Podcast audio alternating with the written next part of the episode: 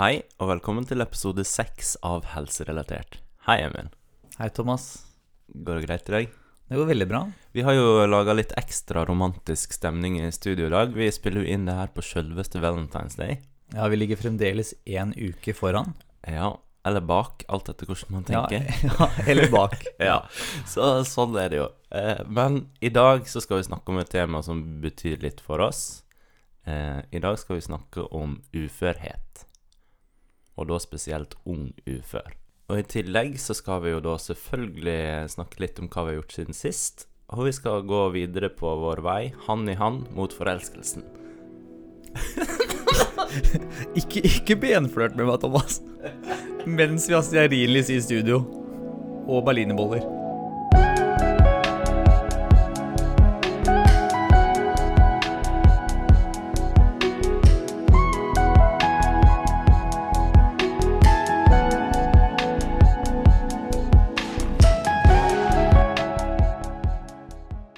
Hva har skjedd siden sist, Thomas? Eh, nei, jeg må bare spise litt berlinerbolle. Du kom jo med valentines Eller jeg heter det berlinerbolle? Ja, det er berlinerbolle. Ja, for du kom jo med berlinerbolle til meg. Valentinsgave til meg. Ja, stemmer. Det tar jeg jo som et stort kompliment, og at jeg gjorde noe riktig i forrige episode. Absolutt. Så det er jo hyggelig. Nei, hva jeg har gjort siden sist? Jeg har ikke gjort så veldig masse, egentlig. Ja, Jeg har eh, reagert på at du ikke har lagt ut eh, skrittbilde på Instagram. Jeg visste at det kom. Ja, nei, jeg har ikke gjort det. Uh, det jeg, jeg har to forklaringer på det. Den ene er det at jeg eh, kanskje har eh, hatt en dag eller to der jeg ikke har uh, klart å gjøre det jeg skal. Og så er det òg kanskje det at det er litt vanskelig å ta skjermbilder her, fordi av en eller annen merkelig Du ser ut som du er veldig oppgitt, men fordi det er nemlig sånn at ukene på Samsung er ikke ukene i Norge eller hvilken som helst annen plass. Hva mener du? Det er vel sånn uke fra Mandag til mandag? Nei. Nei, det er liksom fra torsdag til torsdag. Et eller annet veldig rart, da. Ja, men du, det her skjønner vi. Og så Bare legg ut bilde av det, så skal vi skjønne det. det. ok. Et, et, etter vi har spilt inn den episoden, Ja. skal jeg legge ut bilde. Ja. Og så skal jeg gå walk of shame i kveld. Jeg har heller ikke lært meg å stå på henda, hvis det er noe trøst. Nei, men vi, det er jo fortsatt lenge igjen av februar, da. Det var vel et månedsprosjekt, det her. Det var jo det. Ja.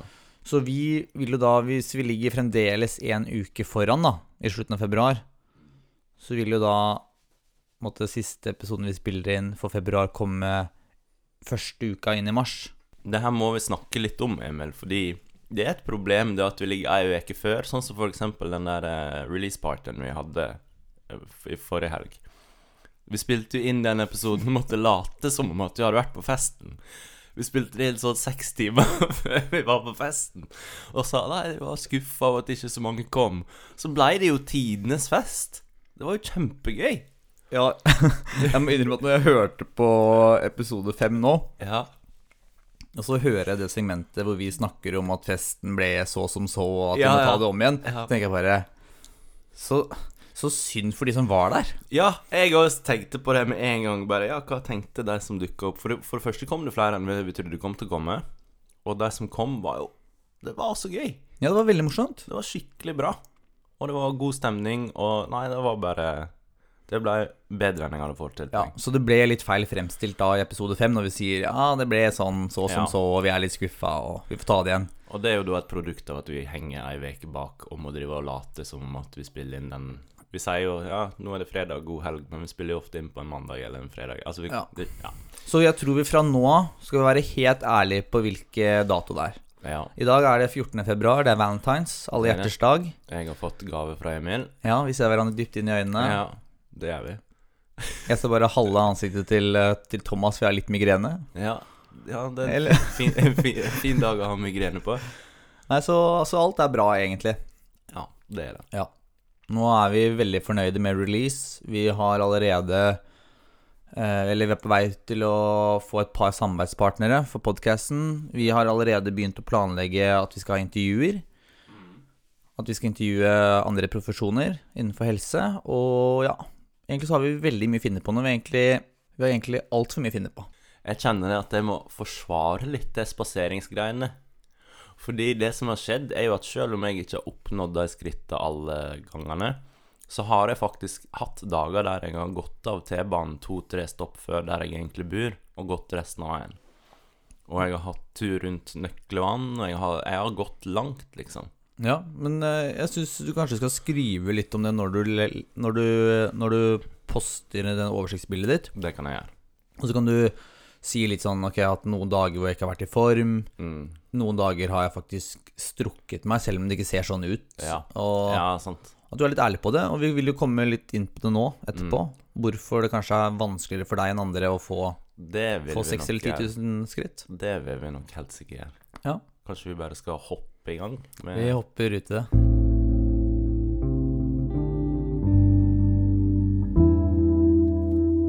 Thomas, mm.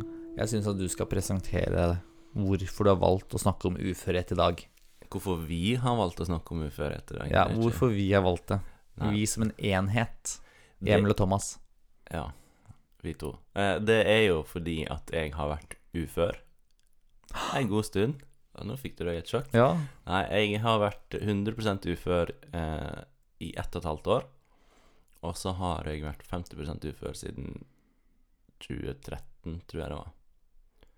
Og det er jo Jeg syns det er litt tabu, da. Og det legger jo en del eh, eh, hindringer i sosiale setninger og sånn.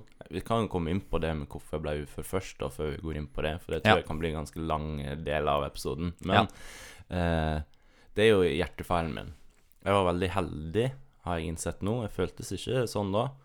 Men eh, i, da i 2012, da var jeg 25 år, og da var det en sosionom på Rikshospitalet som sa at Thomas, du bør søke ufør fordi du skal komme inn den ung ufør-ordninga. Og det var jo Vi var nettopp ferdig utdanna sykepleiere. Jeg jobba jo den sommeren og ble sjuk med de her eh, ekstraslaga og flimmera. Jeg ble jo helt satt ut. Det var da før min siste operasjon. Og så gikk jeg videre til å jobbe i hjemmesykepleien i 100 og ble liksom sjukmeldt hele veien.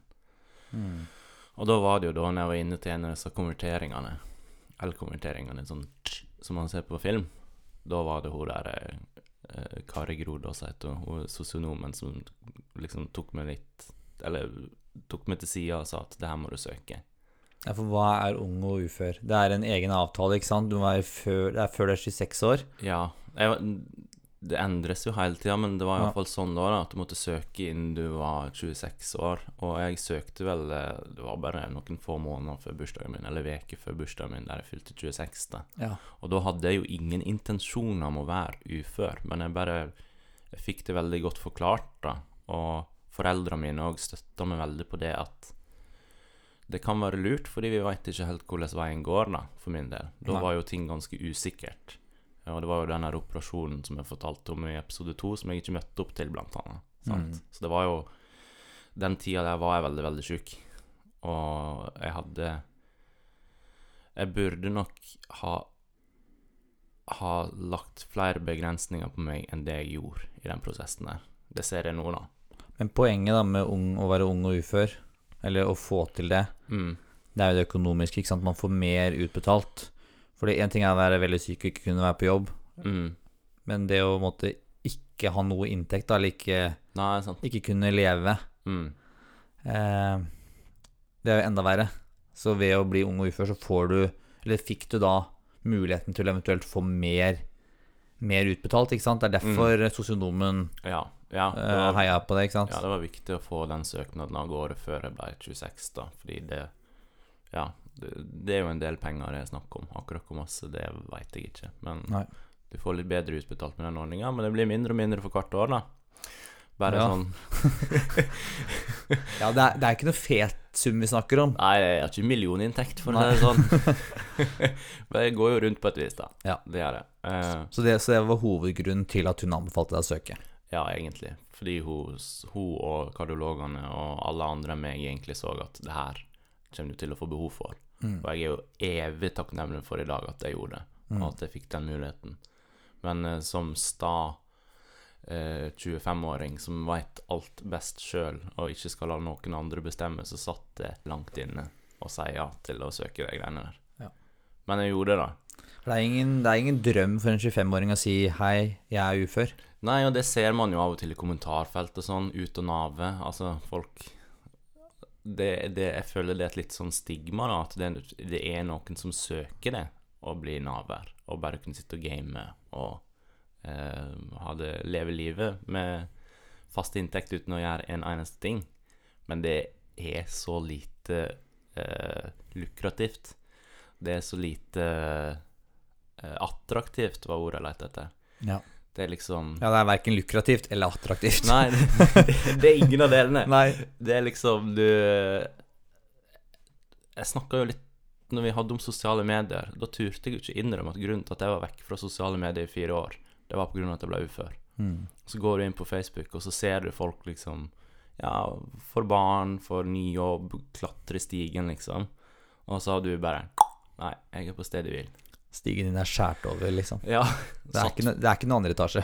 Nei, jeg brenner begge ender av stigen, føles det som, liksom. Stigen brenner, ja.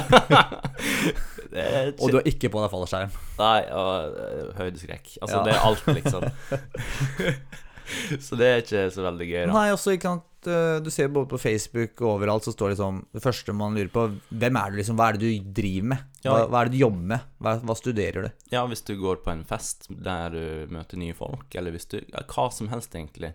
Bare Ja, når jeg ble frivillig i stiftelsen, stiftelsen Organdonasjon, der var det jo veldig, veldig stor takhøyde for å være ufør, da. Og det er jo liksom Og sånn er det jo, men det, det er fort gjort å isolere seg, og jeg har klart å bryte ut av det, men det er noe av det vanskeligste jeg har gjort. Fordi du, du sitter jo der, og du føler deg som mindreverdig, sant? Ja, ja. Du Skjøn- produserer på en måte ikke noe, eller du, du måte bidrar ikke til samfunnet. Da. Det er det du hører, ikke sant? Nei, sant? Og så når du da i tillegg opplever det idet du er nyutdanna, og du liksom du skal til å starte voksenlivet, sant, så føles det bare sånn Å ja, nei, det er greit, det. Ja. det ja. Men som sagt så er jeg jo evig takknemlig for at den ordninga fins, da. Altså Det er jo fantastisk at det fins for oss som trenger det. ja, vi heier på velferdsstaten. Ja, virkelig.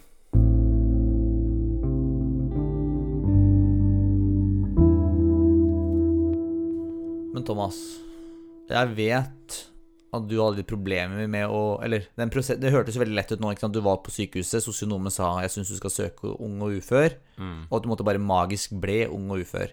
Men sånn var det jo ikke. Nei, det var en kamp. Det å bli 100 da 100 ufør, det var en kamp som tok meg nesten sju år. Ja. Eh, og det er kanskje noe av det tyngste jeg har vært gjennom. Ja, for jeg tror det er veldig viktig at vi snakker litt om hvor hardt det har vært. Fordi jeg tror liksom vanlige folk da, ikke sant, som måtte ikke er syke, ikke har slektninger som er syke, ikke har venner som er syke, ikke jobber i helsevesenet, de har kanskje et sånn inntrykk da av at eh, ja, man er litt sliten, har det litt psykisk tungt, kanskje har en diagnose, så knips, så blir du 100% ufør. Lever livets glade dager, hver dag er en helg. Sånn er det jo ikke. Nei. Og um, sånn som det var for deg, da. Du hadde en klar diagnose. Du hadde et ganske ille sykdomsbilde. Eh, respekterte overleger på Rikshospitalet skrev brev om hvor syk du var, og at han her kan ikke eh, fungere i et vanlig arbeidsliv. 100 Mm. Uh, Og selv med den diagnosen, de brevene og erklæringene fra leger, så tok denne prosessen syv år. Ja. Og Så bare så folk vet det. Ja, det, du, du skriver ikke ut et eh, skjema på nav.no og går og leverer det i skranken, og så er du ufør neste uke, liksom. Det, det, det er helt sinnssyk prosess man skal gjennom. Og jeg kan helst ikke ta opp 100 ulike ting, så jeg må velge litt. Men eh, eksempel det som du var inne på nå, da, med at det var han kardiologen som skrev det brevet her til Nav. Jobben hans er å følge opp alle oss gusjere, alle med medfødt hjertefeil. Han er landets beste på det her.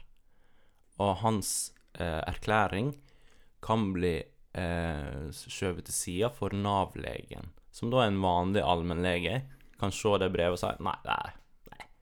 Det, nei. nei, det er ikke ille nok, liksom. Ja. Og det, det er jo én ting som jeg syns er helt hårreisende. Ja.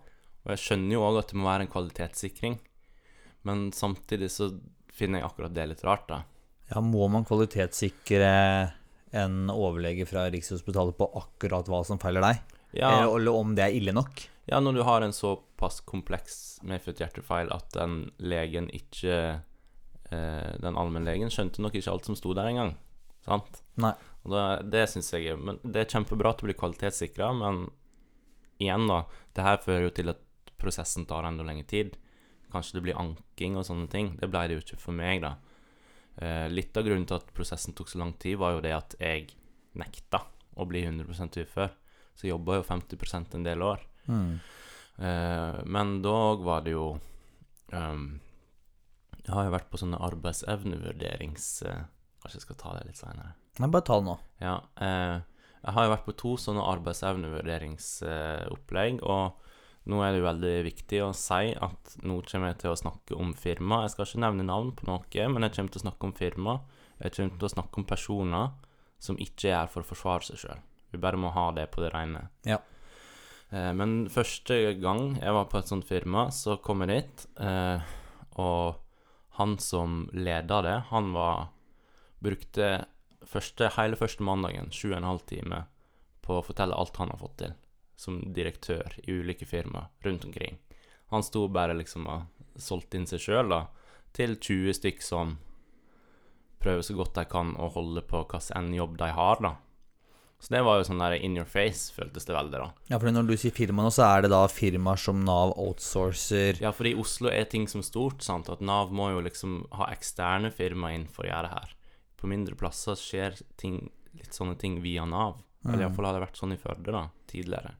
Eh, og Men in, altså, det er jo helt Oslo er jo så stort, og Nav-kapasiteten er jo sprengt. Så da må de ha eksterne firmaer som de eh, ja, setter ut det her oppdraget med arbeidsevnevurdering til, da. Da har jeg vært i to ulike firmaer. Det første firmaet hadde jo òg da Han sa jo rett ut til meg jeg kan ikke hjelpe deg med noe som helst fordi du er høyt utdanna. Dette er et kurs for folk uten utdannelse som ikke kan norsk. Det var jo første tingen som jeg reagerte litt på. Mm. Eh, og så var det òg det at hans Du må jo skrive under på papir som sier at jeg skal aldri snakke om det her til noen. Ja. Det må jeg gjøre på begge Eller gjorde jeg på begge firma.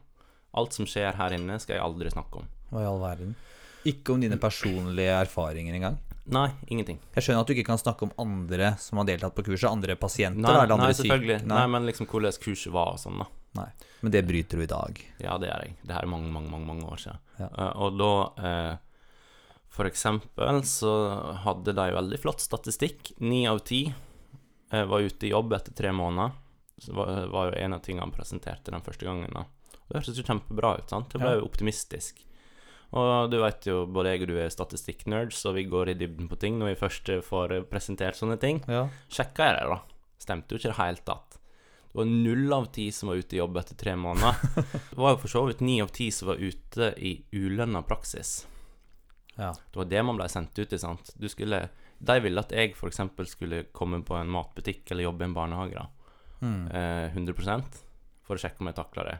Og nå kommer du jo fra en annen jobb du ikke takler 100 og så skal du ta en annen fysisk jobb, da. ja. Hvor du ikke har noe kompetanse heller. Nei, og som Ja.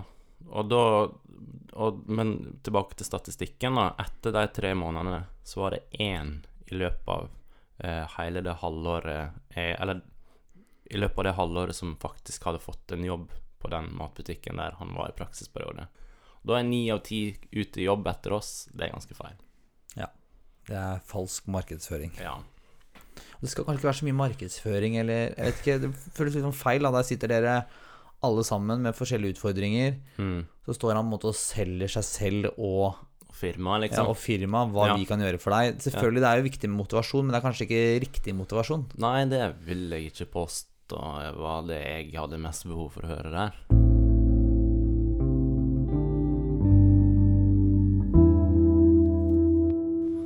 Men jo, du sa du var på to firmaer. Eller at du var innom to ulike firmaer. Ja. Hva var det andre? Det andre. Eller du kan ikke si hva det heter. Nei, men det var et annet tilsvarende firma, da. Som eh, jeg huska Jeg hadde jo en viss skepsis når jeg ble kalt inn til et sånt firma til. Og det var jo bare måten jeg endte opp der, var veldig spesiell. Og sier ganske masse om Nav. Og det var det at jeg kom til Nav siste dagen i en måned. Og jeg har jo hatt sju-åtte, om ikke flere, ulike veiledere på Nav. Da var det en ny person igjen, som aldri hadde sett før, som sa eh, Du eh, må takke ja til det kurset her, eller så mister du all støtte i morgen. Oi. Og da må du jo bare gjøre det, da.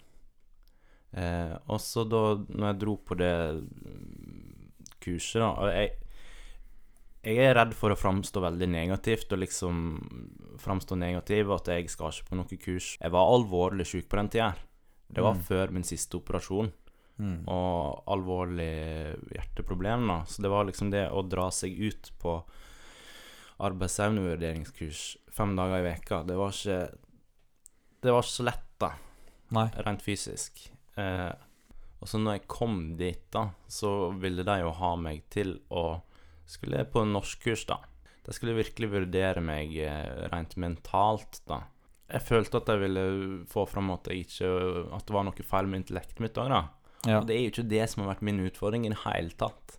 Det er jo hjertet mitt, liksom, som ikke har fått meg til å holde det gående. Mm. Og det er bare Det var så ekstremt nedverdigende når de skulle ha meg på norskkurs og norsktest. Ja. Og det ble jo ikke noe av når jeg da viste at jeg hadde toppkarakter i norsk, og jeg sa det som det var, og at uh, det her syns jeg ikke er greit. Men var det ikke en, eh, en ansatt der som mente at du ikke kunne snakke norsk? Jo, han, han forsto ikke hva jeg sa, for han var ikke norsk sjøl. Og han, siden jeg snakker dialekt, så antok han at jeg var utlending. Ja, Det er jo helt sykt. Det er veldig spesielt. Ja, og nedverdigende for deg. Det var veldig nedverdigende, fordi de stilte så stort spørsmål ved meg, da. Eh, Og hva, hva jeg var god for eh, rent psykisk, da. Ja. Eller intellekt. Ja. Nei, det bare Det var jo ikke helsepersonell du var hos heller. Det skal også sies du var på en måte i et lokale da, til dette her firmaet mm. med Jeg vet ikke hva slags utdannelse disse hadde engang. Det var ikke psykiatere eller psykologer eller uh, psykiatriske sykepleiere, akkurat. Hva, Nei, hva, var det, hva var det de var for noe? Nei, sosionomer, kanskje? Ja, konsulenter eh, innleid, liksom? Ja. Og det, nei, det bare Det bare var helt absurd.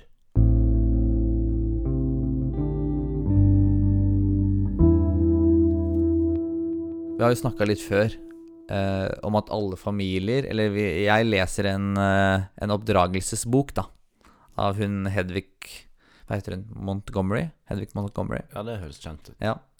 Eh, jeg leser en bok av henne hvor hun da skriver annet at alle familier har, eh, har følelser de ikke snakker om, eller at man, alle familier har én følelse de ikke snakker om. For eksempel sinne, glede, Mm. eller i, mitt, i min families tilfelle at man er sliten, da. Jeg kommer fra en familie hvor man ikke sier at man er sliten. Og jeg selv har ikke følt så mye på at jeg har vært sliten siden jeg var liten til nå, egentlig. Hadde veldig sånn lite eh, Lite sykdom. Eh, har generelt ikke vært alvorlig syk eller skada. Og, og har på en måte ikke hatt så veldig mye innsikt i hvordan det er å være syk, da. Eller ikke måtte strekke til eh, i hverdagen. Men nå har jo da Heldigvis så gikk jeg jo sykepleier istedenfor å bli ingeniør eller revisor. Det har sikkert vært helt avskyelig, men, men jeg gikk sykepleie og lærte veldig mye Mm. der, da. Og fikk god innsikt i hvordan det er å være syk. Gjennom praksis, eh, praksissteder og, og, og det man lærte på skolen, da. Fikk et perspektiv. Ja, fikk et helt annet perspektiv på hvordan det er å være syk. Mm. Da jeg ikke hadde opplevd så mye av det privat eller personlig. Nei. Eh, og jeg tenker at det som er så vanskelig da med å være syk eller ikke strekke til pga. en diagnose, enten psykisk eller fysisk, er det at eh, man hele tiden må måtte forsvare seg selv. da. Mm. Ikke bare da eh, overfor andre mennesker man møter i sosiale settinger, men til og med på en måte Nav, da. Ja. Velferdsstaten også. Mm. Og jeg skjønner jo at det må være en slags eh, Et slags sikkerhetssystem så ingen utnytter systemet. Mm. Men eh, Men det bør gjøres Alle vurderinger Dette slusesystemet bør i hvert fall være Være kvalitetssikra. Ikke Det bør ikke outsources til eh, firmaer hvor det jobber ufaglærte uten innsikt i ulike typer lidelser eller situasjoner. Og Det bør ikke legges ut på anbud der det er firma som gjør det for en billigst mulig penger for oppdraget. Nei, det bør være en kvalitetssikra prosess fra A til Å som ikke gjør de som søker da uførhet, sykere underveis. Det er jo folk som faktisk har hoppa av prosessen også fordi de har blitt så syke underveis, eller eller har blitt, fått en stor forverring da, i prosessen. Men jeg kan jo bare si at for min del så ble jo jeg Jeg ble jo sjukere under den prosessen her. Jeg hadde en god del sykehusinnleggelser på grunn av det her. Ja, Flimmer Det- blant annet, eller? Ja, flimmer. Begynte å bli konvertert, og, og det var Det stresset med at du føler at Nav virkelig bare puster deg i nakken, da, og vurderer alt du gjør, og Jeg hadde en veldig sterk følelse av å bli motarbeida under hele prosessen, og det syns jeg er litt trist. At det er sånn. Ja, du følte ikke at de skulle finne den, eh, den ultimate, ultimate løsningen for deg og ditt problem. Du følte at du måtte møtte fartsdumper hele veien, ikke sant? Ja, og de ville ha meg vekk fra Altså, de ville bare ha meg videre så fort som mulig. De ville Ja. ikke ta, ta, ta jobben, på en måte. da Nei. Av de sju-åtte veilederne jeg har hatt i Nav, så er det ei som forsto meg, og hun hadde sjøl en unge med medfødt hjertefeil. Ja. Det jeg og mange andre med medfødt har, og andre diagnoser har, er såpass spesielt og vanskelig å sette seg inn i at jeg tror det, det, det går nesten ikke an å forstå hvordan det er. Nei, ikke sant? Og da er det så rart når det sitter en helt 100 frisk på andre sida av bordet og sier 'nei, du er ikke sjuk nok'. Nei. Der, eh, der kan jeg kjenne meg igjen også. Jeg har hatt mye mer sånn svart-hvite følelser til det å være ufør og syk før også. Jeg, jeg kommer jo selv fra en familie hvor på en jeg husker aldri at foreldrene mine har vært syke eller, eller vært hjemme fra jobb, da. Og jeg, det var veldig liten takhøyde selv for å være syk. Eller jeg har veldig empatiske og gode foreldre. Mm. Selvfølgelig, hvis jeg var syk, så var jeg hjemme fra skolen. Mm. Men liksom det å for si at man var sliten og sånn, det sa man aldri. Og jeg har vært superheldig og aldri vært syk selv. Det Jeg har jo hatt et par hjernerystelser, da. Og den Mm. ene var såpass heavy at jeg var, måtte sykemeldes en stund fra jobb og slet med korttidshukommelse og ble veldig fort sliten, da. Og det er jo den, den opplevelsen var veldig kjip, men jeg er veldig glad for at jeg hadde den. Mm. Fordi det har liksom lært meg det, Eller det ga meg innsikt da, i hvordan det er å ikke strekke til. Kroppen min var der. Alt var der, liksom. Jeg var, jeg var meg selv, men allikevel så var jeg ikke meg selv. Jeg klarte ikke Jeg klarte ikke være i et rom med mange mennesker, eller klarte ikke se på veldig sterkt lys. Jeg klarte liksom ikke trene som jeg pleide. Jeg klarte ikke gjøre aktivitetene som egentlig ikke koster meg noe til vanlig. Mm. Så bare de to månedene da, Mm. det der varte, Mm. ga meg så mye innsikt i hvordan det er å Mm. ikke strekke til, da. Ja, sant. Eh, og selvfølgelig så har jo også studiet og sykepleien gitt veldig mye der. Veldig mye innsikt. Og et man, annet perspektiv. Man får en mer eh, Man får, får et helhetsbilde, og man får litt mer empati hvis man jobber i helsevesenet, tror jeg. For du ser Du ser en helt annen del av det et menneske kan gå gjennom, da. Ja, jeg tror jeg hadde vært et ræva menneske som Hvis jeg hadde endt opp som ingeniør eller revisor. Hadde jeg ikke sittet her i dag. Nei. Sykepleierstudiet gjorde deg til en bra fyr. Vet du hva, jeg møtte faktisk, jeg møtte faktisk eh, I psykiatripraksis så møtte jeg en litt eldre mann da, som var sykepleier. Han hadde jo blitt sykepleier i voksen alder. Han var tidligere en sånn aksjemegler eller et eller annet. Han hadde jobba i finans. Mm. Så hadde det skjedd et eller annet i livet hans. Han hadde, han hadde endt opp eh, som sykepleier. Mm. Og han mente at eh, sykepleien skulle være obligatorisk for alle å gå gjennom. Eh, Kanskje ingen Nei. dum idé. Nei. Vi hadde iallfall levd i et masse mer empatisk samfunn. Hadde alle gått sykepleien, tror jeg. Jeg tror det at man hadde fått innsikt og nye perspektiver eh, Mm. for hvor sårbart livet er. Ja. Sånn som jeg i hvert fall, jeg våkner hver dag og tenker Shit, så glad jeg er for at jeg lever og er frisk. Mm. Og du også våkner jo hver dag og tenker Shit, jeg er glad for at jeg lever, men du er jo ikke frisk. Men Nei. Nei. det er, kanskje, det er kanskje derfor du er glad for at du lever fortsatt. Men, men jeg er overraskende frisk, altså Ja. nå. Det er du. Og det er jo litt av den operasjonen jeg hadde, og det er òg litt fordi at nå har jeg den uførebiten. Jeg er 100 ufør. Jeg har det sikkerhetsnettet. Ja. Det er ingen eh, Det er ikke julaften 17. mai på en gang å bli ufør på noen måte. Det var en veldig rar dag når jeg fikk det brevet i posten. Ja. Og det som var interessant med hvordan det brevet var formulert, var det stod Du har mistet din rett til arbeidsavklaringspenger. Og så var det bla, bla, bla, bla, bla, bla, fordi du har blitt ufør. Ja. Så jeg fikk liksom først ble helt sånn Oi, sant? Shit. Tror du har mista, altså? Ja, nei, uansett. Men, eh, men nå, nå, er, nå har vi starta podkast. Nå har plutselig dagene dine blitt litt mer travle. Du har lagt om livsstil litt. Du, er, du driver med styrketrening, du spiser sunt, du har mer fokus på å sove. Ja. Du har måtte, lagt om livsstil litt, og du, måtte, du gjør jo mye ting. Men hvordan føler du på en måte iblant at Sånn som når vi har podkast nå, er du iblant redd for at folk skal tenke sånn Å ja, men han lager på, han er produsent, hvordan er han ufør, på en måte? Er, du, er det iblant du tenker måte at du må forsvare deg selv? Veldig ofte. Ja, fordi det er det, det, er det jeg også kan ha på følelsen at det, er, at det må være hardt å være ufør, sånn Mm, sett. Mm.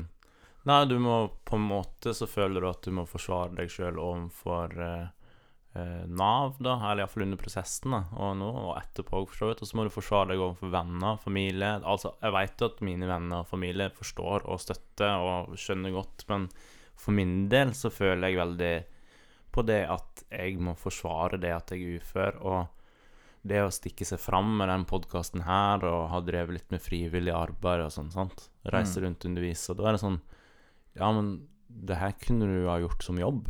Ja, Jeg er veldig redd for at folk tenker. Ja. Eh, og jeg, ja, jeg kunne kanskje ha gjort det en dag eller to eller tre, men all erfaring tilsier for min del er at jeg blir sjukmeldt, og så blir jeg dårlig. Frivillig arbeid, den podkasten her, de tingene jeg driver med nå, det kan jeg styre mitt eget tempo. Ja, det er akkurat det jeg ville inn på. At Ja. det er på en måte Ulempen med sosiale medier eller sånn vi lever nå veldig digitalt, er at man lager sitt eget bilde av hvordan noe er. Mm. Så man kan kanskje se for seg at du nå gjør veldig mye da med stiftelsen og med podkasten, og, og så det gjør du jo, men du styrer det helt selv. Liksom. Du gjør det de dagene du er i form. Ja, jeg er Du- det. Og, og det er, du, er, du er jo nå din egen sjef. Det er jeg. Jeg tar på meg de oppdragene jeg har overskudd til å ta på meg. Mm. Og den podden her er ikke så veldig utmattende, akkurat. Nei, ikke sant? Det er at vi nå snakker en dag i uka, så driver du med Ja, rediger. redigeringsarbeid. Ja. Men eh, det, det er jo Men man blir jo automatisk redd for hva folk tenker, da. Ja, og det er jo mange som har snakka om det, ikke sant? sånn som eksempel sliter med hodepine, har ME, eh, fibromyalgi, alle sånne lidelser eller sykdommer som ikke ses. Da. Du er på en måte Du er ikke heldig på noe som helst måte, men du har i hvert fall et arr, da. Ikke sant? Men det er jo mange som Men altså, så lenge sånn usynlig sykdom, ikke sant? Ja, det er sant. Og det har jo for så vidt du òg. Ja, hvis, så lenge jeg ikke går barisen, ja, så, så ser jeg jo veldig frisk ut. Ja, og da kan det være litt sånn vanskelig å skjønne måte, hvorfor er han Mm. ufør. ikke sant? Men han, han er jo her i dag på festen. Mm. Han står der og holder foredrag. Mm. Eller sånn som folk jeg kjenner som har for eksempel vondt i hodet, da. Eller har slitt med hodepine eller andre sykdommer som for eksempel er aktive, da, ikke sant. Mm. Løper, står på brett. Ja, eller gjør mye, det.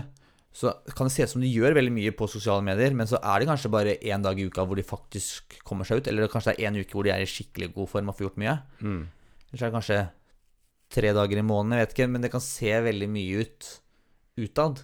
Mm. Men du er jo ikke med de 24-7 og ser hvordan livet deres faktisk er. Nei. Hvor mange timer de bruker i sofaen eller i senga. Mm. Kanskje de sliter psykisk. At Det er så de- mye som er usynlig. Ja, at de må bruke en hel dag på å hente seg inn fordi de var ute, ute dagen før, eller de har ja, pressa seg ekstra for å kunne bli med på ting som de har lyst til å være med på. Eh, og det er jo Jeg turte jo ikke helt å si det i episode fire med sosiale medier, men det var jo derfor jeg meldte meg ut av alt av sosiale medier. Sant? Fordi Instagram spesielt føler jeg er veldig sånn Du poster kun det bra som skjer i livet ditt. Ja, sånn sånn- Stort sett har det blitt en sånn trend å vise hår under armene eller vise når du er sliten ligger i senga. Men ja, sånn Ja, men- generelt sett så viser du når det er bra. Ja, så Hvis du spoler tilbake til seks-sju år, det når Ja. jeg ikke var på Facebook Eller ikke var på sosiale medier. Og da var det sånn Du bare Du får hele tida opp at «Å ja, alle, nå er han på fjellet, eller nå eh, Ja, det skjer ting, da. Men det er ingen som liksom poster bilder hvis de har kjærlighetssorg, eller, eller hvis de går gjennom noe forferdelig, da. Nei? Men sånn er det jo Så når du liksom helt til å se glansbildet til alle andre sine liv, når du da sitter sjøl og har det dritt. Ja, ikke sant? Det er Hvis du blar i fotoalbumet, så ser det ut som familien alltid har hatt det bra. ikke sant? Eller Ja, ja. bestemødrene dine eller Mm. foreldre. Det er aldri bilde av en full onkel her. Ja, Nei. husker du 50-årsdagen hvor eh, onkel eh, hev eh, fetteren på grillen, liksom. Det er ikke Det er aldri, det er aldri, aldri, aldri sånne bilder. Nei, det, det er det ikke. Det er litt sånn oppstilte, kleine bilder. Ja, og liksom, Så Instagram er jo på en måte som et fotoalbum for folk flest, men det har jo endra seg litt. Ja. Så folk følger, Det er liksom folk med uren hud ikke sant, som legger ut bilde av sin urene hud. Ja, nå har det, det skjedd en endring der. Kvinner legger ut bilde av cellulittene sine. Det er mer Mm. og mer sånn, og det er bra. Det er bra.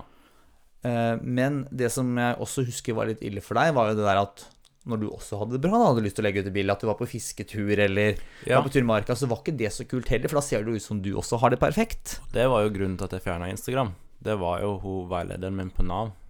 Hadde jo da tydeligvis sett at jeg hadde en Instagram-konto. Ja, og sett at du var på fisketur med meg og ja, ja, meg er og jo- ungen. Ja. Og så hadde det liksom vært litt sånn Ja, men Thomas, du må jo fungere ganske greit, for du har jo vært på fisketur. ja, det var ett bilde. Det var ett Det bilde. var det eneste bildet du hadde på kontoen din. Ja, Stort sett, ja, ja. stort sett. Ja. Og da sånn derre Ok, er det sånn det skal være? Liksom Skal dere kritisere meg for de dagene jeg klarer å komme meg ut? ja, og det var Vi var ikke langt ute i skogen. Nei, det var, det var med barnevogn, og det var, det var veldig flatt og fint. Du er ikke Lars Monsen liksom fordi du er på fisketur én dag. Nei. Kan late som, men jeg Ja. er ikke det. Til og med Lars Monsen ble syk med borreliose. Så. Ja, det er sant. Norges tøffeste band ble Ja. slått ut av en liten flått.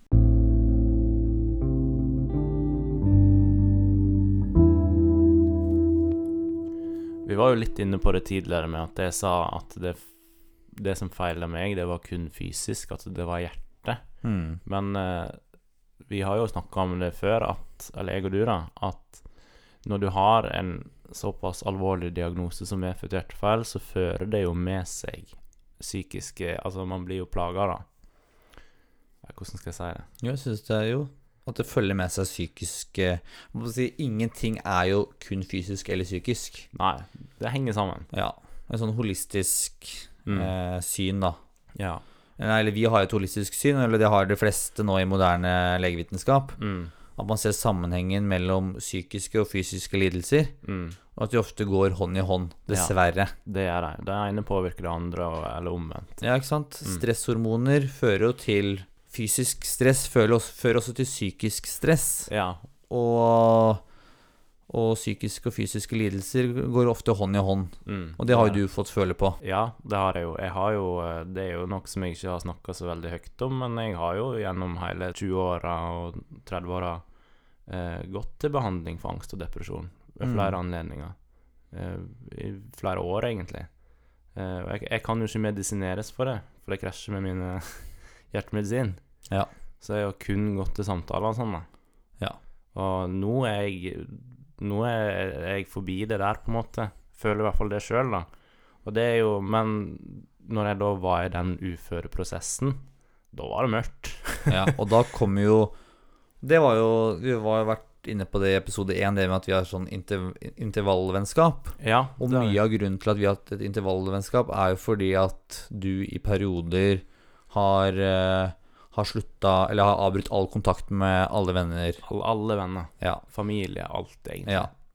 Og, da, og det har vært i disse periodene hvor du har vært eh, veldig langt eh, nede. da Kanskje hatt depresjon, Ja. angst eller ting som ligner.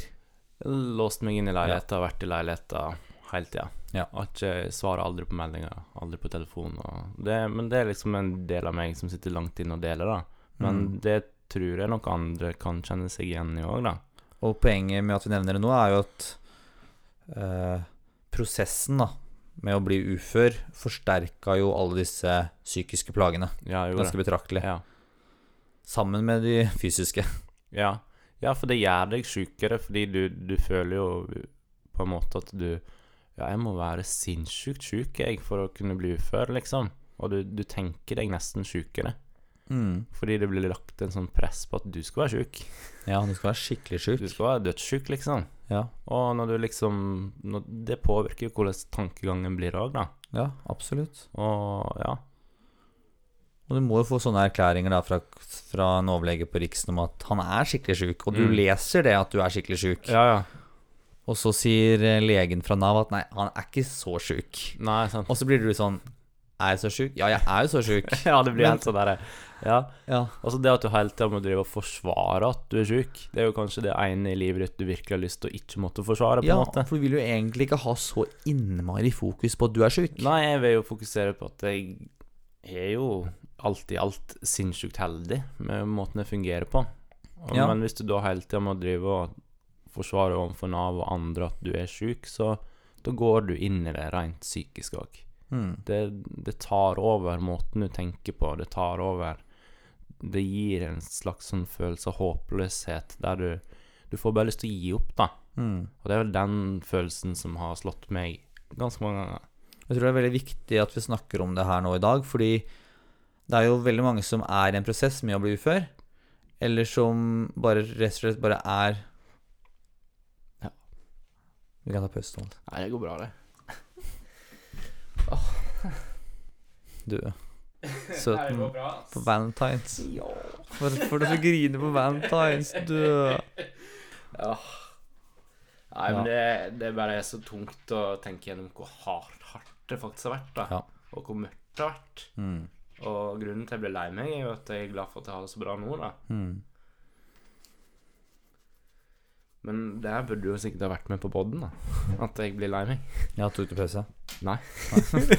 Ja, du kan jo ta det med. Ja, vi får se da hvordan det høres ut. Nei, Men, altså, eh. Men jeg tenker at det er veldig viktig at vi sier det her i dag, og at jeg håper at hvis det er noen som hører på nå som er syke, da, Ja. enten fysisk eller psykisk eller, Mm. ja. eller begge eh, deler. begge deler. Det er jo ofte begge deler. Ja, det, det henger sammen. Ja. Det er ikke sånn at man bare «Å, nei, han er litt lei seg, liksom. Det er det. Hvis du er deprimert. Da er du fysisk syk også. Ja, du er det. Så vi bare ha avklart det, at fysisk og psykisk, det henger sammen. Det er det. Ja. Selv om ikke alle tror det, eller vet det. eh, så hvis man liksom går der ute da og har det jævlig hardt og tungt, Mm. så er det viktig å Og da må det være åpen eh, for familie og, og kamerater, venninner, venner, Mm. og liksom si at jeg har det faktisk veldig tungt, både psykisk og fysisk. Og bruke de kanalene man har da for å få ah, nei, Nei, men det, jeg er helt enig i det. Du må, du må velge å være åpen, og du har alt å vinne på å være åpen. Og om man ikke har noen man stoler på, så må man rett og slett bare oppsøke hjelp via fastlegen, eller bare ta det fra en som har valgt isolasjon og, og gjemme seg unna som overlevelsesstrategi i store deler av tenåra og 20-åra. Det, det er ingen løsning. Nei, og det kan der og da kanskje virke enklere. Da Mm. slipper du måte å konfrontere deg selv og andre med hva som Eller hvor ille du faktisk har det. Du flykter fra problemet.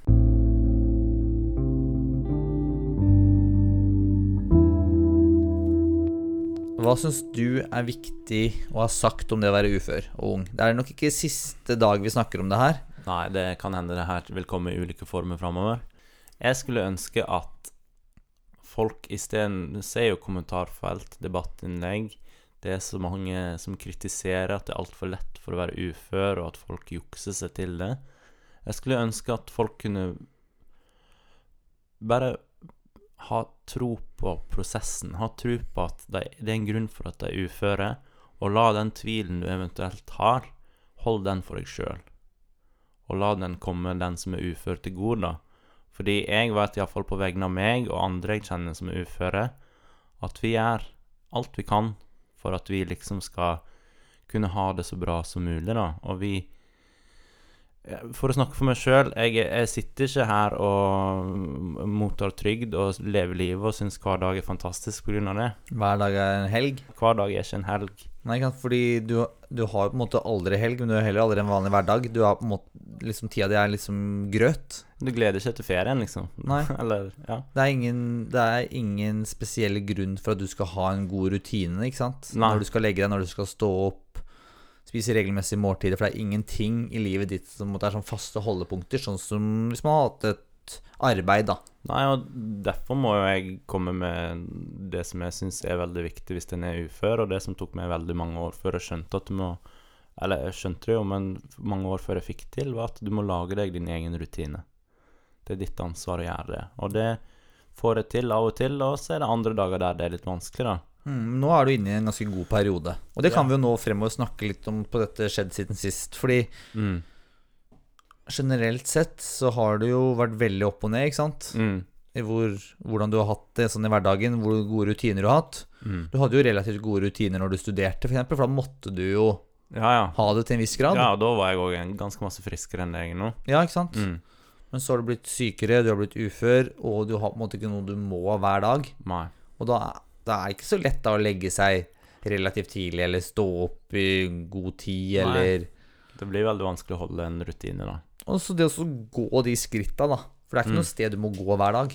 Nei, nei det er jo ikke det. Du må gå til butikken en gang iblant, men det er ikke 10 000 skritt. det. Nei, det er 200, liksom. Men det skal også sies da at livet ditt er jo ganske lysbetont, som du har vært inne på. Ja, det er det. Og takket være at du er ganske sosial fyr. Det har redda meg veldig. Og etter hvert, det at jeg valgte å være åpen, det redda meg veldig. Mm. Den tida der jeg isolerte meg og skamma meg, det var jo da den verste perioden jeg har hatt. Og det eh, Jeg har vunnet alt på å være åpen med alle rundt meg. Så det, det må man bare Det er ingenting å skamme seg over, liksom. Jeg tror ikke du for noen år siden hadde sett for deg at du skulle lage en podkast hvor du snakka om at du var ung og ufør. Nei, det Det hadde jeg aldri turt å gjøre for noen år siden. Det her er jo faktisk en liten milepæl for deg. Ja, det er det. Det er faktisk stort. Mm. Og jeg mener helt oppriktig at det er viktig òg.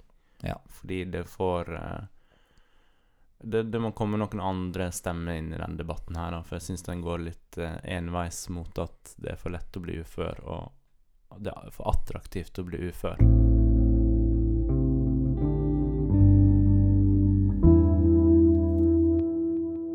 Men du, Thomas. Ja, Emilio. Vi går nå inn i forelskelsen. Ja. Inn i vårt sjette spørsmål. ja. Hva er det sjette spørsmålet? Hvordan lyder det? Det sjette Hva er ordlyden? Eh, Det er så enkelt som hvis du var i stand til å leve til du var 90 år gammel, I wish, ville du foretrekke å ha et sunt sinn eller ha kroppen til en 30-åring? Nå Det er faktisk ganske bra spørsmål med tanke på hva vi har snakka om i dag. Ja, det er det. Fordi fysisk og psykisk henger jo sammen. Ja, det har ikke jeg sett for meg i det hele tatt, men det Nei. passer veldig bra, ja. Ser man ut som en søppelsekk, Ja. så har man ikke sunt sinn heller. Nei. Vil jeg påstå. Ja. Så dette her blir bare vanskelig. Det blir umulig spørsmål. Er man fysisk aktiv, spiser relativt sunt, så har man det ofte bra med seg selv også i hodet. Da er det jo tusenvis av Instagram eh, fitness-influencers som sikkert tar dere her midt imot, da. Det ser ut som de har det perfekt på Instagram. De har fine fine former og kropper, men de har det sikkert helt elendig inni seg, så det er sikkert feil det jeg sier. Men jeg tror sånn generelt sett så går, går det å ha et bra sinn, eller ha det fint med seg selv, da. Mm, En fin psyke, sammen med det å være i fysisk god form også. det tror jeg Til en viss grad. Du må ikke, må ikke være shredded, liksom. Nei. Men du, kan, du må kunne bruke kroppen. Du må kunne være fysisk for å ha det bra psykisk, vil jeg tro. Lar du kroppen forfalle, så har òg sinnet eller forfalt, da. Ja, det har jo du merka med deg selv også. De periodene hvor du faktisk tar vare på kroppen din, er Mm. fysisk aktiv, så har du det bedre psykisk også. Ja, absolutt. Det henger veldig sammen. Det Ja. det. Nei, Så jeg vet ikke helt hva jeg skal svare her. Nei, jeg syns jo spørsmålet er litt eh, dårlig stilt, da, på en måte, fordi Jeg tror, de, jeg tror, de, han, eller jeg tror han som har lagd disse spørsmålene, egentlig fisker etter Er du en overfladisk type? Tror du det er han fisker etter? Ja, Eller er du liksom Eller er det det indre som er viktigst? Ja, jo, for så vidt. Jeg vet ja, ikke. Jo, det, det, der har du nok helt rett. Jeg vil jo heller ha Jeg vil jo heller, for å sette ting på spissen, jeg vil heller være 90 år, sitte i rullestol og ha det veldig fint med meg selv og ha gode venner og familie rundt meg. Ja. Hvis det er det han lurer på, liksom. Det er ikke så viktig å kunne ta hangups når du er 90 år, men jeg vil jo kunne, vil jo kunne bevege meg, liksom. ja. Ja, for det er jo det man må definere, da. Altså, hva, hva er å ha et sunt sinn? Eller er det liksom å ikke få Alzheimers? Ja, fordi det vil jeg absolutt ikke få. Nei, det har jo ikke jeg lyst til heller. Og kroppen til en 30-åring Ja, altså, hvem sin kropp? Ja, Altså, jeg tar, er, gjerne, eh, jeg tar gjerne din kropp når du fyller 30 til sommeren, liksom. Men min kan jeg jo Mye kan skje før den tida, Thomas. Nei, det, det veit jeg at det ikke så disiplinert som du er, så skjer det ingenting innen den tid. Men uh, Nei, jeg bare syns det er et litt dårlig definert spørsmål, da. Kroppen til en 30-åring, men da er det gitt en 30-åring i god form, da. Ja, ja, men da mener jeg sikkert da en kropp som fungerer, da. Ja, det vil jeg veldig gjerne ha, da. Jeg har ikke noe behov for å bli 90 år, liksom. Nei? Er det, bedre, er det bedre å bli 70, men ha fungert bra fysisk og psykisk Ja, til bli, 70? eller bli 89 da og beholde begge deler. For det her er jo liksom Det står jo bare til 90 år. 89, og så dør du dagen før bursdagen din. Så kan du jo beholde begge deler, da, ifølge det spørsmålet her. Du kan ikke kun ha det bra psykisk eller fysisk. Det henger sammen. Det Det er konklusjonen. Ja, det er konklusjonen. Det er så, vår konklusjon siden vi er en enhet. så vi velger å ikke svare på spørsmålet.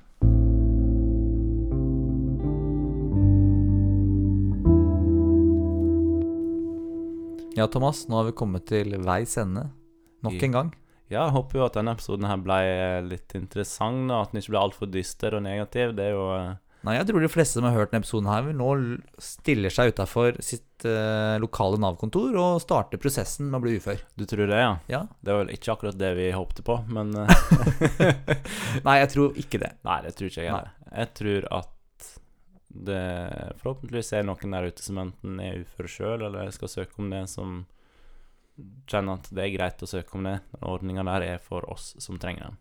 Ja, og ikke minst folk som måtte er helt friske, ikke har noe forhold til det å være ufør, egen sykdom osv., som kanskje Mm. har fått mer innsikt og et annet perspektiv da, på hvordan det er å være syk og være i en sånn prosess. Ja. Da har vi oppnådd det vi ville med denne episoden her, da. Mm. Og så er det ikke umulig at, som ved alle andre temaer vi snakker om, at det blir en oppfølgingsepisode seinere. Enten om vi tar tak i noe litt annet ved, ved det å være ufør, eller om vi fortsetter der vi slapp. Det slo meg nå at vi har sagt det om alle episoder, egentlig. At hvis det vil komme en del to. Ja. Vi har masse på hjertet om alt, vi. Men neste uke, Emil, hva skal vi snakke om da?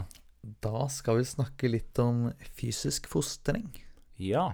hvordan vi Hvordan vi er forskjellige der. Hvordan vi måtte ha forskjellige opplegg, da, f.eks. på Fresh Fitness. Ja, eller bare i hverdagen. Ja.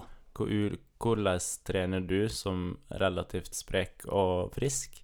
Og hvordan trener jeg som relativt usprek og ufrisk? Og hva slags hensyn tar vi? Hvordan ser, vår, eh, hvordan ser en normal uke ut for oss, da? Ja. Og hvordan skulle den vært optimalt sett? Ja, og prøve liksom å eh, vise at trening kan være andre ting enn eh, de øvelsene du ser på Instagram, og at det liksom tre trening er for alle, uansett form.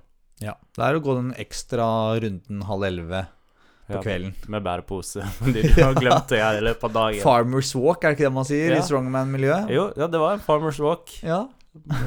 8000 skritt, eller hva det var. Ja, nei. ja, nei, trening er for alle, da. Vi vil få eh, belyst det litt. Ja. Det er noe vi begge bryr oss veldig om, da. Fysisk aktivitet. Hvor viktig det er for psyken, som vi òg var inne på i episoden. Yes, hvis man skal både ha en fin kropp og fin eller bra syke heter man er 90 år, så er det bare å få gode rutiner så fort som mulig. Og tren hjernen. Tren hjernen, ja. Train your brain, boy. Ja. Nei, boy, det mente jeg å si. Skal vi bare si ha det der, eller? Vi sier ha det. Takk til alle som har hørt på oss. Hei da.